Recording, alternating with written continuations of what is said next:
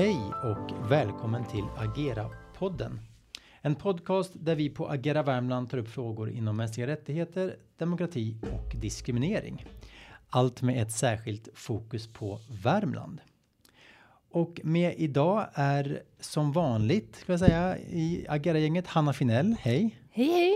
Lars Stjärnelöv Hallå? och Nine Karlsson Norman. God morgon. Och jag som leder dagens samtal heter Per Hydén. Och idag så är det den 28 februari när vi sitter och eh, spelar in och dagens eh, tema är hot mot demokratin i Värmland. Om två dagar, alltså den 2 mars, släpper vi våran årsrapport med samma namn. Hot mot demokratin i Värmland där vi tar upp eh, en hel del olika områden inom eh, ja, helt enkelt vad som kan utgöra hot mot demokratin och ett såklart som vanligt ett särskilt fokus på Värmland. Och idag tänkte vi ta, eh, gå liksom laget runt och prata om våra respektive, respektive delar i den här rapporten och prata om eh, vad vi har eh, kommit fram till. Men innan vi sätter igång så vill vi bara såklart också nämna den eh, hemska utvecklingen i Ukraina. Det var ju i torsdags den 24 februari som Ryssland eh, invaderade Ukraina och eh, hårda strider har pågått sedan dess. Och det här, vi som jobbar med demokratifrågor och mänskliga rättigheter eh, gör ju det utifrån ett värmländskt perspektiv ofta och ett, från ett, ett eh, svenskt perspektiv. Men vi lever ju inte heller i ett, ett vakuum. Vi påverkas ju av omvärlden och det sätter ju våra frågor i verkligen i perspektiv när nu eh, människor i Ukraina slåss för sina fri och rättigheter med liksom sina liv eh, på spel. Och det är fruktansvärt att det är eh, krig i Europa och eh, vi som, som många andra fördömer ju självklart Rysslands eh, agerande och hoppas på fred så fort som möjligt.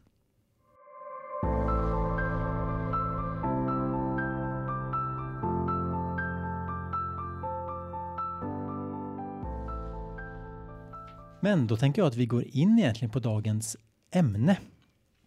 Eh, den här årsrapporten som vi nu har, har eh, publicerat i flera års tid, Hot mot demokratin, eh, handlar om, som, jag- som tidigare sagt, olika delar, eh, olika perspektiv på det demokratiska eh, systemet kan man säga och vad som kan utgöra hot mot det. Och något som alltid varit med egentligen i den här rapporten från första början är ju det här med våldsbejakande extremism och eh, de aktiviteter som har utförts av eh, organisationer inom eh, olika typer av våldsbejakande extremism. Så jag tänker att vi faktiskt kan börja där och lämna över ordet till dig Lars som sitter med de frågorna. Hur har det sett ut under 2021? Ja, hur har det sett ut? I stora drag har det sett ut som, som tidigare om man tittar till förhållandet mellan de olika våldsbejakande miljöerna. Vi pratar ju, när vi pratar våldsbejakande miljöer så handlar det om den autonoma antidemokratiska vänstern, eh, den religiöst motiverade extremismen och det som vi ofta kallas för radikalnationalism eller högerextremism eller vit maktmiljö. Kärt barn har många namn. Och tittar man på styrkeförhållandet mellan de här tre olika miljöerna så, så är det alltid, eh, ur, även ur ett historiskt perspektiv, den radikalnationalistiska miljön som är starkast. Vi ser väldigt små avtryck från den autonoma miljön och eh, den religiöst orienterade miljön är egentligen helt osynlig i, i länet. Vi har ju varit väldigt förskonade genom åren. Vi hade ju ingen problematik när, när resandet till konfliktzonen var som störst 2014 till 16 och vi har även efter det inte haft några, egentligen några större rörelser kring de miljöerna. Men då rör det sig desto mer kring de radikalnationalistiska miljöerna och de nazist, rena nazistiska och vitmaktmiljöerna, tyvärr.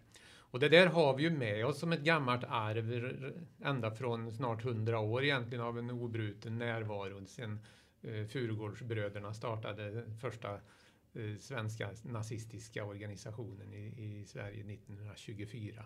Sen eh, har det hängt med. Och det är lite typiskt för just den miljön att den är väldigt traditionell. Eh, tittar man på eh, Sverige i stort så där eh, de, de rörelserna var starka tidigare, där finns de fortfarande representerat idag. Eh, däremot då så har ju eh, om vi tittar just på, den, på de radikalnationalistiska miljöerna så är det ju NMR, Nordiska motståndsrörelsen, som vi framförallt har följt genom åren. Eh, dels för att de har varit en väldigt dominerande aktör på, inom det här segmentet, men också för att det är de som är väldigt tydliga att följa. Det, det ger en bra bild hur utvecklingen har sett ut. Och vi har ju haft, vi har i, i, rapporten här några siffror från 2013 när vi bara hade enstaka aktiviteter och sen seglade man upp ganska snabbt så, och hade en peak 2017 där vi hade närmare 180 aktiviteter på ett år. En aktivitet handlar eh, om eh, flygbladsutdelning, offentliga aktioner när man står med en fanborg någonstans eller eh, nu på senare år har det också väldigt mycket kommit att handla om kampsportsträning. Men efter 2017 då gick aktiviteterna ner ganska kraftigt för att eh, i fjol sticka upp lite grann. Men eh, i år har det här tappet som man har haft under några år eh, kommit tillbaka och dessutom accelererat. Så att i år har vi inte mer än 30 aktiviteter från Nordiska motståndsrörelsen jämfört med 170-180 aktiviteter bara för några år sedan. Och det kan ju ytligt sett se väldigt bra ut. Att vi tänker att ja, men nu är ju läget lugnt. Eh, miljöerna är på väg tillbaka och vi kan luta oss tillbaka och, och, och tycka att vi har lyckats i vårt, i vårt värv. Men så enkelt är det ju inte. Vi har ju en rad andra organisationer närvarande i Värmland. Det är ju tyvärr så att vi har egentligen samtliga aktiva organisationer eh, som finns i Sverige finns också representerade i Värmland. Det handlar om Hammerskins som ju är en gammal eh, skinnskallegruppering. Det handlar om eh, eh, Det fria Sverige startades 2017 som är lite mer nationalromantisk grupp. Och sen har vi också en egen eh, lokal gruppering som kallas Defend Värmland som försöker att återstarta. Och så har vi liksom i kanten på den här verksamheten har vi också eh, Alternativ för Sverige som ju egentligen inte hör till våldsbejakande grupperingar men som Eh, inte drar sig för att samarbeta med aktiva nazister när man är ute på sina valmöten och så vidare. Så att hela den här eh, vit maktmiljön finns samlad i Värmland, om än i ganska liten omfattning idag. Så att den fys de fysiska organisationerna de tappar i betydelse ser vi i rapporten. Men det här lite mer ansiktslösa motståndet på nätet växer istället. Och pandemin har ju gjort att, eh, att att Eh, man har lerat sig med lite nya vänner. Eh, man har sökt stöd inom den här konspiratoriska miljön, frihetsrörelsen, tusenmannamarschen och vad man nu kallar sig.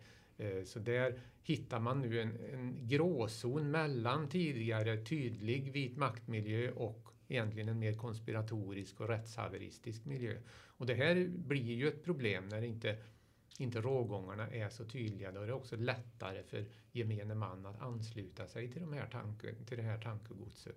Och det ser vi som en tydlig utveckling att även om, om de fysiska organisationerna tappar i betydelse så ökar konsum, konsumtionen av propagandan på nätet. Och de här eh, frihetsrörelserna och så, det var väl en samling kring eh, eh anti vaccinationsåsikter eh, då som samlade olika typer av, av grupperingar. Ja men precis, det är det som man till vardags kallar för antivaxrörelsen. Men den är ju en väldigt brokig samling. Där mm. har man ju, protesterar man ju mot 5G och, och, alla möjliga frågor mot samhället har ju samlats där och då har ju också de högerextrema grupperna sett en möjlighet att slinka in och vara närvarande. Eh, vi såg till exempel på den här stora demonstrationen som var på Sergels torg här i början på året där Nordiska motståndsrörelsen helt öppet deltog med stora banderoller och, och så vidare. Eh, och ingen gjorde någon ansats att mota dem därifrån så att man accepterar också deras närvaro. Mm. Och Lars, du nämner ju det här med att eh, organisationerna i allt större utsträckning är eh, närvarande på nätet mm. och, och sådär. Vart är det man håller till? Vad vet man om det? Ja, det som väl kanske är det mest allvarliga det är ju att man har hittat in på de stora spelchatterna Eh, Eh, till dataspelen. Och eh, det får ju följden att väldigt unga personer kommer i kontakt med den här propagandan nu. Och det har vi också sett tydliga exempel på när väldigt unga eh, kommer ut som ganska radikaliserade. Vi har ju haft eh, två skolattacker till exempel på senare tid där personer då har umgåtts på de olika spelsajterna och radikaliserats online och, men genomfört aktiviteter i den fysiska världen. Ja, Lars, hur eh, de här nu eh, utifrån vad vi ser i rapporten och att ändå de här aktiviteterna har gått ner ganska mycket, eh, i alla fall de organiserade så att säga. Vad, vad får det för konsekvenser på kommunernas arbete runt om i Värmland? Ja, det gäller ju att man inte slår av på takten utan att man följer den här utvecklingen som är och kanske tar till sig ny kunskap. Och vi har ju tänkt i år nu då, så här lite efter corona och försöka eh, vara väldigt aktiva och utbilda ute i kommunerna. För att fortfarande så krävs det att man har en, en god lokal bild så man ser vad är det för rörelse vi har i, i, i vår kommun eller i vårt område. Eh, det är ju svårare att följa när det bara blir på nätet så det, då är det ännu viktigare att man då kan ge akt på de här små signalerna, se på unga som inte mår bra till exempel eller som drar sig undan eller eh, är lite normbrytande på ett eh, osunt sätt. Så att man kan fånga in dem tidigt och erbjuda en, en, en bra vardag. Så att kunskap, ny kunskap är väldigt viktigt och det hoppas jag att vi kan vara med och, och bidra till. Just det, och vi har ju några fler förslag som vi tycker är viktiga att, att man jobbar vidare med utifrån eh, rapportens resultat. Mm. Vad är det för något? Så förutom eh, då en, en, ökad kunskap så är ju den här sammanhållna strategin både lokalt, regionalt och nationellt väldigt viktigt. Att man har eh, en bra organisation lokalt. Så det behöver inte vara något avancerat med, med stora speciella råd som håller i det här men att man har en, en tanken, idé om hur hanterar vi när de här frågorna hamnar på bordet. Och att man då har en god kontakt, där blir vi en brygga mellan det lokala och det nationella perspektivet. Så att där utgör vi en, en viktig länk. Och sen så är det också viktigt att vi fortsätter på den, det som vi har liksom startat upp nu med också ett, ett större engagemang i anhörigstöd och individstöd. För det är ju fortfarande också en väldigt, väldigt viktig del. Mm. Att kunna stötta eh, dels an, anhöriga då, som, som har närstående i de här miljöerna. Men också att också kunna ge ett stöd direkt till individen. Så att det är tre viktiga punkter. Kunskap, bra strategier och eh, bra stöd till anhöriga individer. Just det, stort tack. Och innan vi lämnar området våldsbejakande extremism tänkte jag fråga eh, dig Hanna. Du är ju också inne på det området eh, med det du jobbar med och eh, inte minst med det här kring, kring nätet och de nya typerna av hot som vi ser. Och du har ju skrivit ett kapitel i rapporten angående memes. Berätta mer. Ja, så på nätet så ser det lite annorlunda ut. Det är svårt att jobba väldigt lokalt för att det är ju liksom gränsöverskridande. Det är inte så att man kanske har lokala samlingar på samma sätt eller så. Så att eh, i den här delen så är det ju inte så att vi presenterar några siffror utan där är det mer en allmän lägesbild. Vad är det vi ser och hur utvecklingen går. Eh, och det finns ju ganska många olika typer av saker. I liksom informationslandskapet på nätet då har vi allt från fake news, vi har eh, desinformation, vi har artiklar hit och dit med olika fakta av olika hög vetenskaplig nivå och sådär. Eh, och det här känner ju de flesta av oss till vid det här laget. De flesta av oss hänger ju på internet.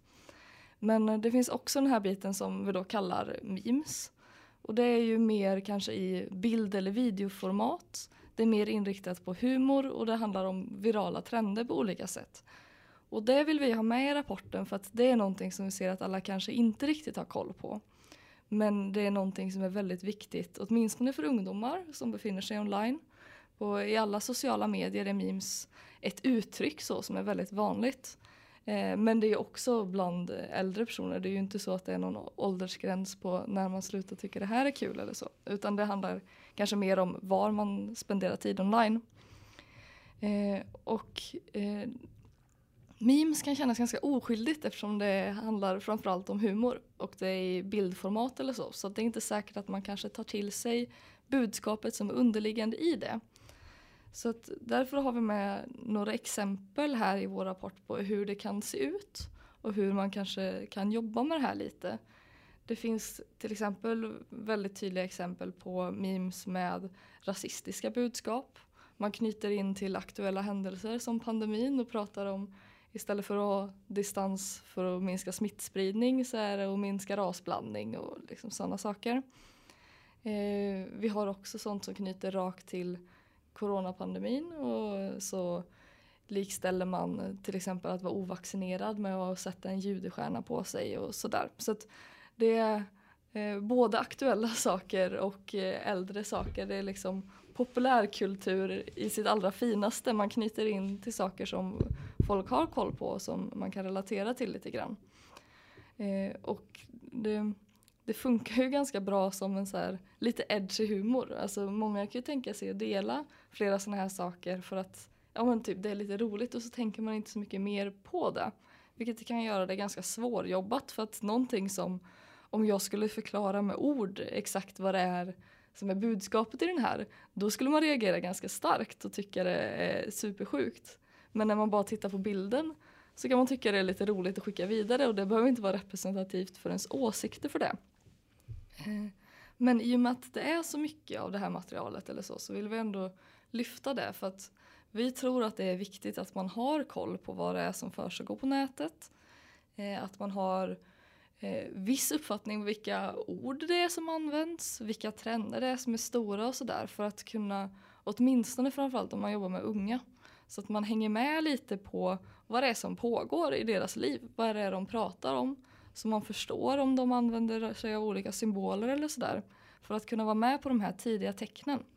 Det blir ju extra viktigt nu om vi då inte har de aktiva lokala organisationerna riktigt på samma sätt, där man då ser vilka det är som rekryteras och vilka det är som umgår, umgås i vissa kretsar och sådär. Eh, då blir det ännu viktigare att man har den här kunskapen och förstår vilka signaler det är utöver de här vilka personer det är man träffar som kan vara relevanta. Så därför eh, eh jobbar vi lite med det här memes så att det är någonting vi vill ha med i våra utbildningar, eller hur? Det uppdaterade utbildningspaketet. Så. Bra. Tack, det är en jätteviktig del. Och inte minst som ni är inne på framöver när vi ser att eh, aktiviteterna och närvaron på nätet eh, ökar så det är där som, som vi också då ska, ska hålla koll mer och kunna förmedla kunskap så att eh, kommuner, skolor, första linjens personal av olika slag kan också få en, få en ökad grundkunskap i, i de här bitarna. Hur då radikalisering kan se ut på nätet och vad man ska också titta på för, för typ av, av eh, tecken som kan vara lite oroande och så vidare. Eh, och jag kan tänka mig också att det, det, är svårt också att hjälpa om det är så att man inte heller har någon som helst kunskap om vad memes är eller så. För då har kanske en ungdom ganska svårt att relatera till, till den vuxen som försöker komma med råd eller vara där och stötta om man inte har någon kunskap. Så det här är jätteviktiga områden framöver förstås. Och jag tänker också på eh, Alltså vet man någonting om hur vanligt det är att människor delar memes som de inte förstår eh, budskapet i så att säga och att budskapet då kan vara extremistiskt till exempel? Ja, alltså det är ju det är inte så att vi vet exakt hur, vad folk förstår och inte förstår så. Men eh, så det här blir ju kanske lite mer anekdotiskt bevis än någonting annat. Men tittar är det någonting det, man skulle kunna göra framöver? En sån undersökning för att undersöka liksom, i vilken utsträckning människor luras av memes helt enkelt? Ja, men alltså det som själva poängen med det här det är ju att det är en eh, alltså, mer lågintensiv påverkan eller vad man ska säga. Det är väl kanske så att det börjar med att man eh, tycker att det är lite småförbjudet med rasistiska skämt till exempel. Och det, det är lite roligt mest för att det är förbjudet och det är inte så himla mycket mer än så. Men spenderar man väldigt mycket tid i de här miljöerna där det ser ut sådär, då tar man ju kanske till sig man i alla fall exponeras för väldigt mycket eh, konspirationsteorier och så här som gör att man glider närmare och närmare det budskapet också. Eh, så att, så här, ja, men, att det bara glider förbi en sån här meme i ens flöde när man scrollar det har kanske inte jättestor effekt utan det är ju kanske just mängden och den påverkan det har över tid som vi kanske inte riktigt är medvetna om själva. Som är det vi tänker på i det här. Eh, att det, liksom, det kan knuffa folk bort från normalsamhället kanske och gör att man har svårare att relatera till personer som inte är med på de här inside-skämten som det egentligen blir. Och det där är ju en taktik man har. Det finns, man har ju till och med satt ett ord på det här. Man kallar det för metapolitik och man har ju lyckats ganska bra med det. Det vill säga att göra det otänkbara tänkbart. Eh, det är en liten strategi man har just för att, att det här ska spridas ut i mainstream media, precis som Hanna säger här, att med lite edgy humor, att det, det känns lite, lite eh, ofarligt på något vis. Men eh, budskapen är ju väldigt råa om man börjar gå in på och titta på dem. Och, och det här har varit en lyckad strategi och på så vis så planterar man nya tankar och så med hjälp av lite lite skumma algoritmer som låser in folk i, i små bubblor så är det mer allvarligt än vi kan tro inledningsvis. Det låter ruskigt. Akta er för memes. Mm. Se upp för det elaka internet. Ja, ja men jättebra. Hörni, vi går vidare och eh, innan vi går in på hatbrottsbitarna så tänkte jag bara nämna, vi har också ett kapitel som går in på det här med otillåten påverkan mot myndighetspersoner. Och inom det området har vi inga egna siffror, eh, inget liksom vi, vi har inte gjort någon, någon form av, av undersökning kring hur det ser ut i Värmland. Men det man kan säga är ju att eh, otillåten påverkan mot myndighetspersoner och myndighetsbeslut handlar ju om när, när individer på ett brottsligt eh, eller osakligt sätt försöker påverka någon form av myndighetsutövning eller myndighetsbeslut. Det kan vara genom eh, kränkningar, trakasserier, mutförsök eller hot eller våld. Eh, och det kan ske både liksom spontant från enskilda personer men också mer organiserat. Exempel kan vara att eh, någon Eh, hotar en, en socialsekreterare inom socialtjänsten som handlägger ens ekonomiska bistånd. Eh, något annat kan vara att man man trakasserar en, eh, en eh, examinator vid ett universitet för att man ska få godkänt betyg. Så att det här med otillåten påverkan kan se ut på många olika sätt och är ju i förlängningen också ett hot mot demokratin om inte då våra, eh, våra myndigheter kan, kan fatta beslut på, på rätt sätt. Alltså om det blir för hårda påtryckningar att faktiskt få effekt.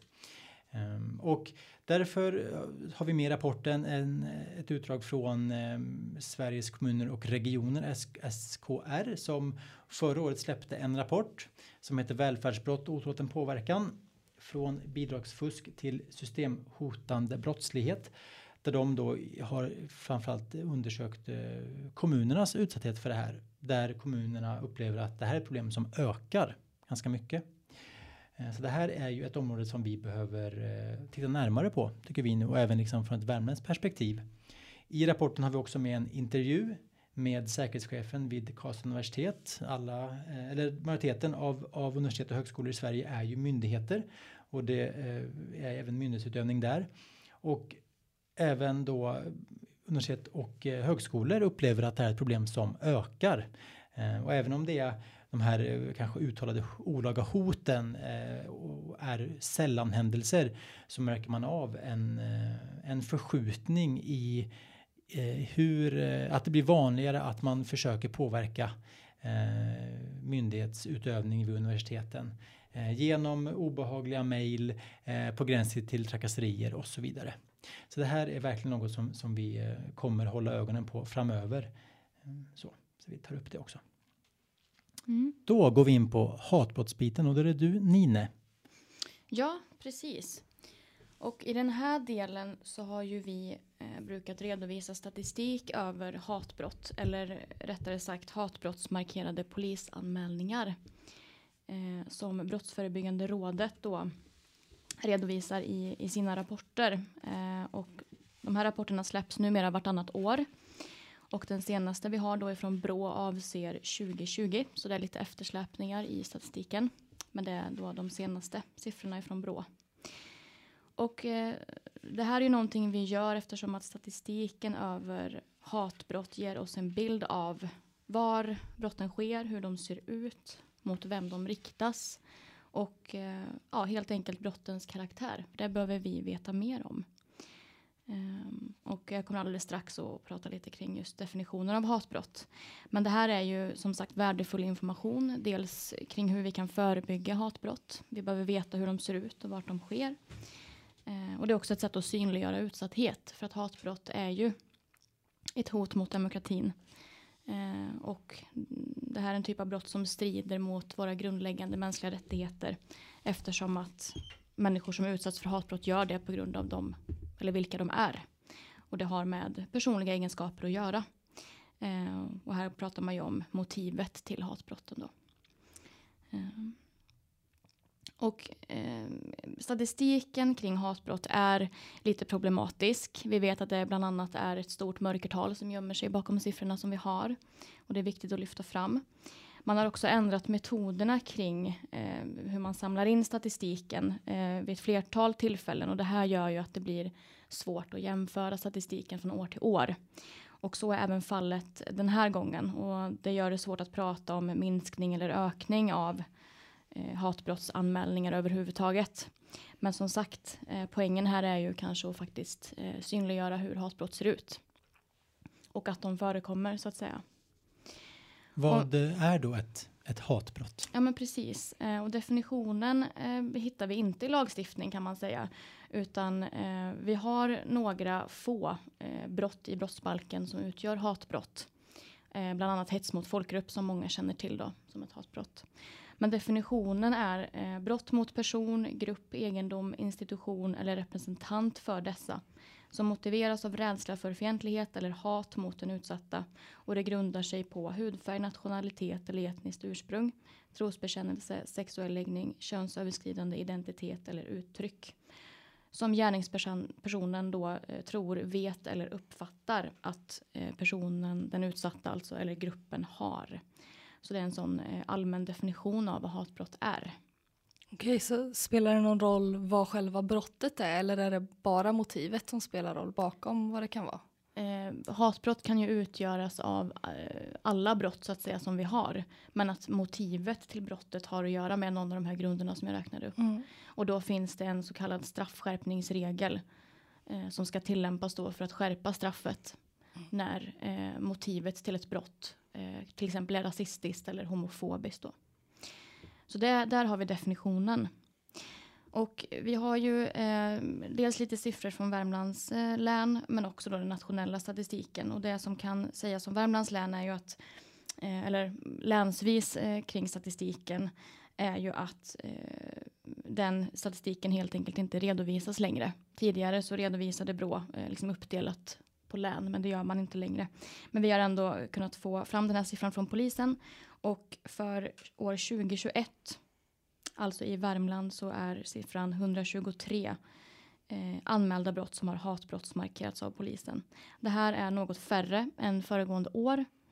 Eh, men sett till eh, en längre tidsperiod så är det fortfarande en liten, liten ökning då. Eh. Men mellan 2020 och 2021 så ser vi en minskning med 27 procent. Och eh, det kan ju vara intressant att fundera på varför. Eh, och det är alltid svårt att, att säga vad det betyder. Eh, det går ju inte att säga att det innebär att förekomsten av hatbrott har minskat. Eh, och det är också svårt att veta om det beror på att anmälningsbenägenheten har minskat. Eh, så det, ja, det är svårt att dra några slutsatser av det. Eh, Sen så kan det också vara så att pandemin givetvis kan ha inverkat. Vi har varit ute och rört oss mindre generellt under pandemin och det är ju ändå så att eh, eh, de allra flesta hatbrott vet man ju sker på allmän plats. Eh, så att, ja, det förutsätter ju att man också är där så att säga. Så det kan ha spelat in, men det är svårt att veta. Just det. Jag tänker att det är lite grann som även med eh, aktiviteterna från, från NMR och liknande, att det är ju lätt att tänka att, att det har gått ner. Ja, men vad skönt, då slappnar vi av här. Eh, och det är klart att det kan vara en indikator på att det är eh, en minskad aktivitet även inom hatbrott. Så, Mm. så kan det ju vara en förklaring, men det vet vi inte. Nej. Utan det kan ju som du säger Ninni vara, vara andra orsaker också. Eh, så att eh, Precis. det är viktigt att ha med, ha med sig det att vi faktiskt inte kan, kan läsa ut Nej. orsaken till minskningen i de här siffrorna Nej. så att man inte ska slappna av för mycket utan fortsättningsvis jobba för det är ju fortfarande för många anmälningar. Mm, ja. som, som eh, vi, det ska ju inte vara några egentligen men det är fortfarande ganska många i Värmland som man då ändå har sett ett hatbrottsmotiv. Ja men precis. Vi, den här siffran ska ju vara noll såklart. Så det är 123, 123 stycken för mycket. Men om vi då tittar på den nationella statistiken ifrån Brå. Eh, som då tyvärr inte går att jämföra med tidigare års siffror. Eh, men här har vi då att 3398 stycken anmälningar med hatbrottsmotiv identifierades för eh, 2020. Och det här bygger då på polisens egna eh, hatbrottsmarkeringar eh, som Brå sen har tagit till sig då. Och likt eh, tidigare år så ser vi ju att eh, de rasistiska hatbrotten är eh, allra vanligast förekommande i anmälningarna. Delar man upp eh, antal anmälningar utifrån hatbrottsmotiv så ser vi att det är de afrofobiska, islamofobiska och homofobiska hatbrotten som är mest förekommande i anmälningarna. Vi har också en ganska stor andel ospecificerade hatbrottsmotiv. Eh, och det handlade oftast om olika nazistiska yttringar som till exempel klottrade hakkors. Eh, och här var det ju då vanligt att det inte finns en, en utsatt specifik person utan att det, det riktar sig ju då snarare till, eh, till en grupp eh, utifrån de här fyra grunderna eh, ja, i symbolisk mening. Just det. Ja, det är ju viktigt som du säger här, lyfta upp att, att hatbrottsstatistiken är ju beroende eller avhängig av polisens markeringar och deras kännedom och kunskap om just hatbrott. Eh, min bild i alla fall är att det har hänt mycket inom Polismyndigheten de senaste åren och att kunskapen har ökat hos liksom enskilda poliser när man, när, när man tar upp, som tar upp anmälningar att också faktiskt känna igen om det kan finnas ett hatbrottsmotiv. Men det är ju också en stor del av den här statistiken att eh, den, den enskilda polisen som tar upp anmälan ska ha kunskap och, och kännedom. Ja men precis. Och om vi sen tittar lite kring, kring eh, fler aspekter av hur de här brotten ser ut så har man ju kunnat utläsa då att ofta så rör det sig om att gärningspersonen är en okänd person för den som blir utsatt. Eh, eller att det inte finns en relevant så att säga relation mellan den utsatte och en gärningsman därför att det inte finns en specifikt utsatt person i brotten. Och oftast rör ju det sig då om hets mot folkgrupp. Eh, där det alltså inte behöver finnas en, en enskild skadelidande Eh, i det här brottet. Och som jag nämnde tidigare så är den vanligaste brottsplatsen allmän plats. Eh, det är ute på gator och torg och liknande. Och även på det här området så har ju vi ett antal förslag som vi tycker att eh, man behöver titta, titta på för att också fortsätta arbetet mot, mot hatbrott. Vad, vad säger vi där? Ja, eh, först och främst så, så ser vi att det är viktigt att det här är frågor som vi fortsätter att lyfta. Eh, att vi fortsätter att synliggöra hatbrott. Eh, att det får ta plats i det offentliga rummet. Och att vi eh, i olika delar av eh, liksom samhället och debatten visar att det är prioriterade frågor. Eh, det är viktigt att vi synliggör hur brotten och utsattheten ter sig. Eh, att vi kan uppmärksamma den utsattheten. Att vi kan skydda de som blir utsatta för hatbrott. Vi tror också att kunskapen om hatbrott eh, kan öka och att vi kan bli bättre där. Eh, kring, ja, men det är också kopplat till utsattheten och hur det ser ut. Vi tror också att samverkan för att få en samlad bild är viktig i de här frågorna. Eh, därför att då kan vi eh, få bättre förutsättningar för insatser mot hatbrott i alla led. Eh, som kan handla om brottsofferstöd, bemötande och också hur rättsväsendet som stort eh, behandlar de här brotten. Ja men jättebra. Jag tänker också mm, vårat och, och andras eh, förebyggande arbete kring eh, eller mot diskriminering och så är också en del i det här eftersom att hatbrott och diskriminering är ju väldigt nära besläktade så att säga. Så ja, det är precis. också en väldigt viktig del att det fortsätter, att man mm. fortsätter arbeta på, på många plan i samhället. Ja, verkligen och, och, även kring diskriminering så har vi ju det här problemet kring statistik att vi har svårt att få en samlad bild. Mm. Eh, men ja, det är också en anledning till att vi måste hålla frågorna på agendan. Mm, just det. Och aktuella är de, för jag fick ett mejl nu på morgonen här med, det har varit klottrats ordentligt på en skola under helgen med en rad eh, hakkors. Så att, mm. Det blir ju en del av den här statistiken. Mm. Att, eh, arbetet tänk, fortgår. Jag tänker många av siffrorna så var det ju högre typ 2015, 16, 17 där någonstans. Så gick det ju upp och kanske också lite när vi gör reportage och sånt att man hör det. Var det mer hat då? Har vi blivit bättre eller vad säger vi? Ja, det är ju det här som är, som är svårt att avgöra. Har vi, har vi lyckats minska brotten eller är det anmälningsbenägenheten som har förändrats? Eh, så det är ju jättesvårt att, att säga vad förändringarna beror på över tid. Mm. Eller har vi normaliserat innebörden i brotten? Ja, det, ja, det är ytterligare en fråga. Ja, för i samband med flyktingströmmarna så var det ju väldigt mycket hat eh, generellt så som riktades alltså mot, absolut mot flyktingar men också mot media och samhället och sådär. Mm. Och individer. Men eh, eh, det är svårt att avgöra hur utvecklingen har sett ut där tycker jag. Ja, absolut. Det är mycket som kan spela in. Sådana mm. stora samhällshändelser som som det var då när det kom så många flyktingar till Sverige. Alltså, sånt kan ju göra att statistiken skjuter iväg för att det då är många eh, händelser så att säga. Men eh, även de bitarna kring anmälningsbenägenhet och så vidare kan spela in. Så det är ju svårt. Mm. Hörrni, vi lämnar hatbrottsstatistiken och delen och går in på hot mot förtroendevalda. För att demokrati ska fungera så bygger det på att människor faktiskt engagerar sig politiskt för saker de tror på. Inte minst på kommunal och eh, regional nivå. Och det typiska politiska engagemanget hittar vi i det partipolitiska, även om man såklart kan engagera sig politiskt på många sätt och i andra intresseföreningar. Men, men vi tänker framförallt på att man organiserar sig i politiska partier. Och då ställer vi frågan, vad händer då när, eller vad händer med demokratin då när politiker eller förtroendevalda tystas? Eh, när kanske du som politiker tvekar att ställa upp inför nästa val eller tvekar att engagera dig i en viss specifik fråga just i rädsla att eh, bli utsatt för hat eller hot. Och det här har vi tittat på. Vi skickat ut en enkät i Värmland eh, till så många som 438 förtroendevalda runt om i Värmland på kommunal och regional nivå. Alltså som sitter i, i eh, kommunfullmäktige eller, eller regionfullmäktige. Och vi eh, skulle då, vi vill just undersöka förekomsten av utsatthet för olika typer av, av hat eller hot.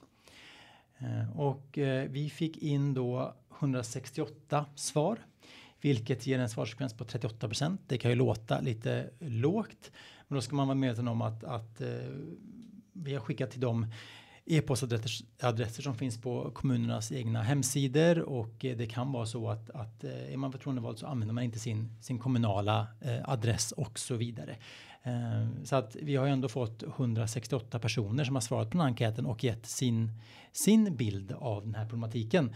Så den här undersökningen ska inte ses som att man kan eh, göra en generalisering för alla förtroendevalda i Värmland och den är inte heller på något sätt vetenskaplig på det sättet utan ger mer en lägesbild och eh, upplevelser från 168 stycken förtroendevalda. Och det vi har frågat om då är ju upplevelser av allt ifrån då en allmän känsla av, av eh, otrygghet eh, som politiker av sitt uppdrag, alltså där man inte kanske får explicita hot men att man eh, får kanske kommentarer som eh, lämnar en klump i magen eller en viss oro till kränkningar, trakasserier, till, eh, eh, till hat, alltså påhopp av typ av hatisk karaktär till rena hot, alltså olaga hot eller till och med eh, våld. Då. Och tänkte, det finns ju mycket man kan säga om, om den här enkäten och eh, jag kommer inte dra alla resultat utan då får man läsa vår rapport. Men jag tänkte dra några resultat i, i korthet här då. Och det vi kan se är att nära 18 procent av de här svaranden eh, uppger att de någon gång blivit utsatt för hat eller hot under 2021 och då just på grund av sitt politiska uppdrag. Och något som är väldigt värt att gå in på det är ju den stora skillnaden mellan könen. För av de kvinnliga förtroendevalda som har svarat så uppger 23 procent att de blivit utsatta under 2021. Men bara 14 procent av de manligt svarande.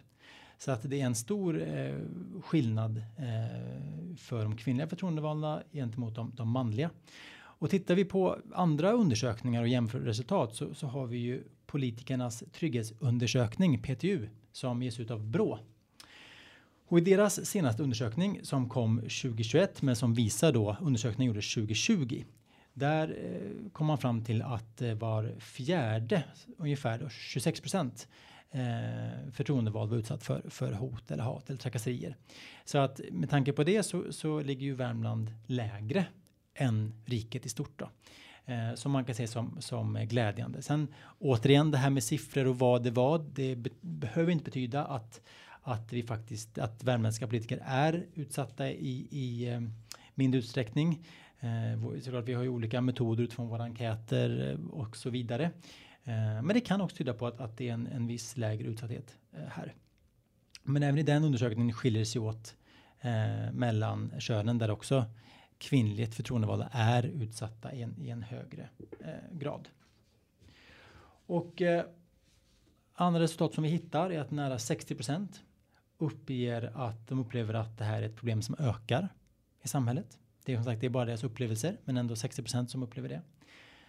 Och eh, nära 77% av de som upplevt hat eller hot uppger att de blivit utsatta mer än en gång. Så det är inte heller bara engångshändelser för de här personerna då. Och till sist jag tänkte faktiskt gå in på det är ju egentligen stora så här, vad är det typiska man blivit utsatt för? Och det är ju man är utsatt för hat eller hot eller trakasserier digitalt och oftast på sociala medier. Här har vi 90% av de som har utsatts har, upp, har blivit utsatta då digitalt via sociala medier. Um, så det här är ju något som verkligen sticker ut på ett, på ett stort plan. Och vi återkommer det på alla våra delar kring, kring nätet och det digitala hur den utsattheten eh, bara ökar.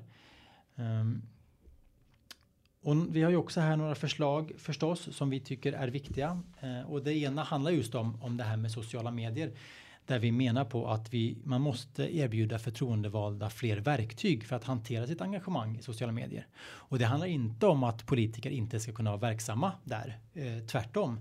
Alltså idag så bedrivs ju väldigt mycket av samhällsdebatten och demokratin digitalt och i sociala medier och många politiker har det som en, som en kanal för att sprida sina idéer och sitt, sitt budskap och det är väl väldigt, väldigt positivt sociala medier ger ju också såklart många en, en, det blir väldigt, väldigt tillgängligt att vara med i det demokratiska samtalet.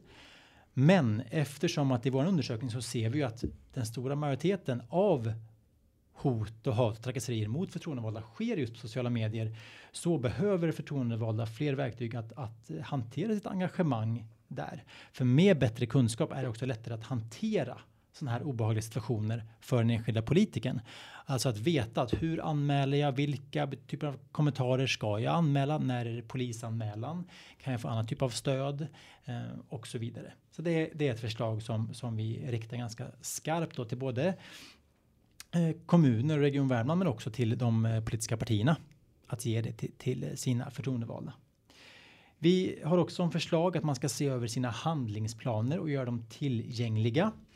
I undersökningen så hade vi också en fråga kring om det finns en eh, handlingsplan för den här utsattheten då. Eh, för då förtroendevalda och dryga 30 procent uppger att det antingen inte finns en sån handlingsplan eller att de inte vet om det finns en sån handlingsplan i organisationen. Så att här behöver ju både kommunerna framförallt då, men även de politiska partierna se över sina handlingsplaner och eh, finns de, ja, men då får ni se till att göra dem tillgängliga och att de används. Eh, så att det finns bra eh, stöd när sånt här faktiskt sker. Det måste finnas tydliga och tillgängliga rutiner. Och till sist så vill vi också slå ett slag för att hålla i det förebyggande arbetet. Eh, det bedrivs ju fortfarande väldigt mycket arbete dagligen, däribland av oss, Agera Värmland, men även såklart av andra aktörer för en levande demokrati. Och det behövs fortsatt utbildning i kommunala verksamheter, på skolor och på arbetsplatser om rättigheter och skyldigheter. Det hänger ihop med de här bitarna. Eh, därför behöver vi liksom fortsatt ett, ett starkt förebyggande arbete eh, och inte minst också mot, mot eh, våldsbejakande extremism med de här stödfunktionerna och så för att hat, hot på nätet mot förtroendevalda har ofta också att göra med de andra bitarna vi varit inne på här. Det kan vara personer som är inne i typer av våldsbejakande organisationer eller miljöer som, som gör de här hoten. Eh, det kan också vara, vara olika typer av hatbrott i sin grund så att det här hänger ihop. Så det här allmänna förebyggande arbetet är jätteviktigt att man, man håller i. Bra, då har vi en bit kvar i våran eh, här rapportering kring, kring våran rapport Hot mot demokratin. Och det är till dig Hanna som har tittat på hot mot media och journalister. Ja, precis. Eh, och där gjorde vi reportage istället. Så att eh, vi eh, körde intervjuer med de största aktörerna så vi har pratat med eh, kanalchefen på P4 Värmland, radion då. Eh, och sen också redaktionschefen på SVT Värmland. Och eh, chefredaktören på Värmlands Folkblad, VF. För han som, är på, han som var på SVT råkar numera jobba på NVT nämligen i den rollen. Så eh, då tyckte vi att vi fick en bra spridning där. Eh, och eh, de delar ju dels en bild av att det är ganska lite saker som är över gränsen till vad som kan vara olaga hot eller sådär. Men det är betydligt mer alltså typ hatiska kommentarer eller en, ett hårt tonläge kanske man till och med mer kallar det och framförallt i sociala medier. Eh, där kan det vara både riktat mot dem som journalister men också mot de personerna som de intervjuar eller personer som väljer att ställa upp i media. Eller kanske någon som artikeln handlar om. Eh, men det skiljer sig också mellan de olika typerna av media. Där kanske SVT är de som verkar vara mest utsatta här i Värmland. Eh, att eh, eh, lokalmedia verkar kanske inte utsättas riktigt på samma sätt.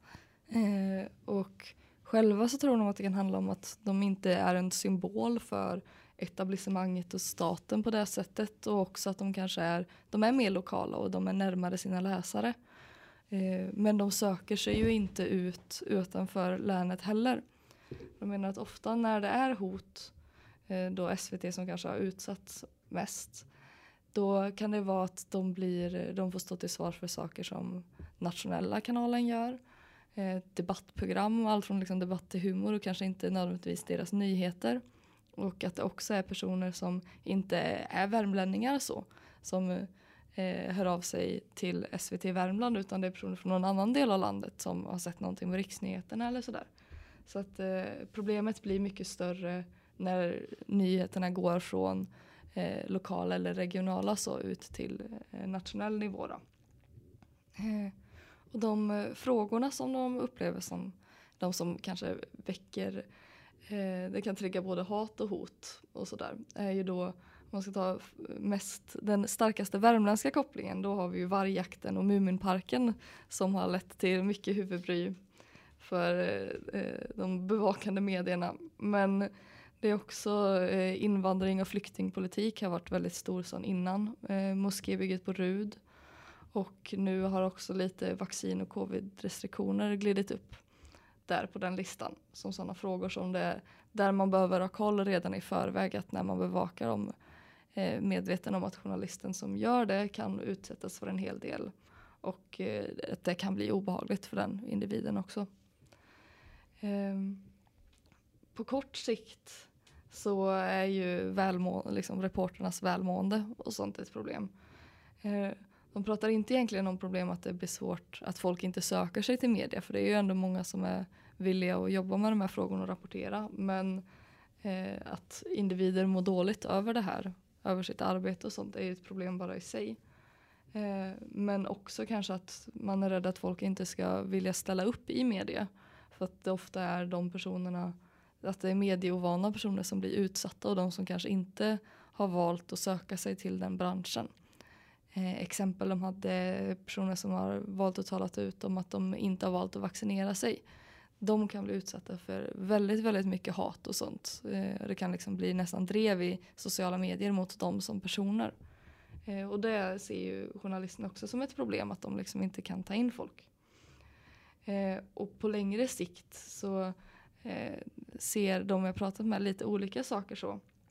Men eh, vissa menar i alla fall att eh, målet med hot och hat och sånt inte bara är att visa missnöje utan det också är att påverka rapporteringen och få media att dra sig från att lyfta vissa frågor. Eller kanske också att lyfta vissa frågor mycket mer än vad som kanske de proportionerligt borde få utrymme. Och eh, det ser ju vi också som ett problem här på Agera Värmland att alltså, varför det är så viktigt att lyfta media i de här frågorna det är ju att det är ju en stor del av våran kanal till vad det som försiggår runt oss. Det är så vi får veta vad som händer i samhället, vilka frågor som är viktiga och sådär. Och eh, så, att, så vad media väljer att rapportera om blir ju väldigt viktigt för allmänhetens bild av samhället och vad som pågår. Så att eh, därför är det ju ett verkligt hot mot demokratin om inte alla frågor blir representerade. Eh, både för att det Eh, vissa får oproportionerligt med plats för att några skriker väldigt högt. Eh, då kan det handla om eh, att det kanske är få personer. Det är inte så, eh, hon tog ju upp liksom att eh, det, det är inte ett problem nödvändigtvis att media anpassar vad de skriver om eftersom om de får mycket kommentarer kring det. För det är också så de ska fungera, att de vill skriva om det som allmänheten är intresserad av. Det är ju deras roll, så det är inte ett problem i sig. Mm. Eh, men om det handlar om att det är väldigt, väldigt få personer som använder som en strategi att få upp vissa frågor som vi vet att vissa ytterkantsrörelser kan göra. Eh, då blir ju det totalt oproportionerligt. Men också åt andra hållet att man drar sig ifrån att ta upp vissa frågor för att man vet att eh, det skapar ett sånt personligt obehag. Så det är väl det vi ska ta med oss från det reportaget. Mm. Tänker jag. Just det. Tack så jättemycket. Ja, hörni, nu har vi gått ganska ingående på de här bitarna och eh, alla de här delarna är ju väldigt eh, viktiga att vi, vi jobbar med för att fortsätta ha en, ha en levande demokrati i Värmland. Eh, och alla utgör faktiskt eh, hot mot demokratin som, som vi ser det. Eh, och när du lyssnar på det här avsnittet så kommer rapporten finnas i sin helhet på vår hemsida att kostnadsfritt kunna ladda ner. Så det får man gärna göra. Det finns, vi har ju bara nämnt en bråkdel här av vad som finns i, i den. Så. så att med det så tänker jag att vi tackar för dagens samtal. Eh, tack till dig som har lyssnat. Kolla gärna in Agera Värmland på sociala medier och på vår hemsida. Hej då! Hej då! Hej hej!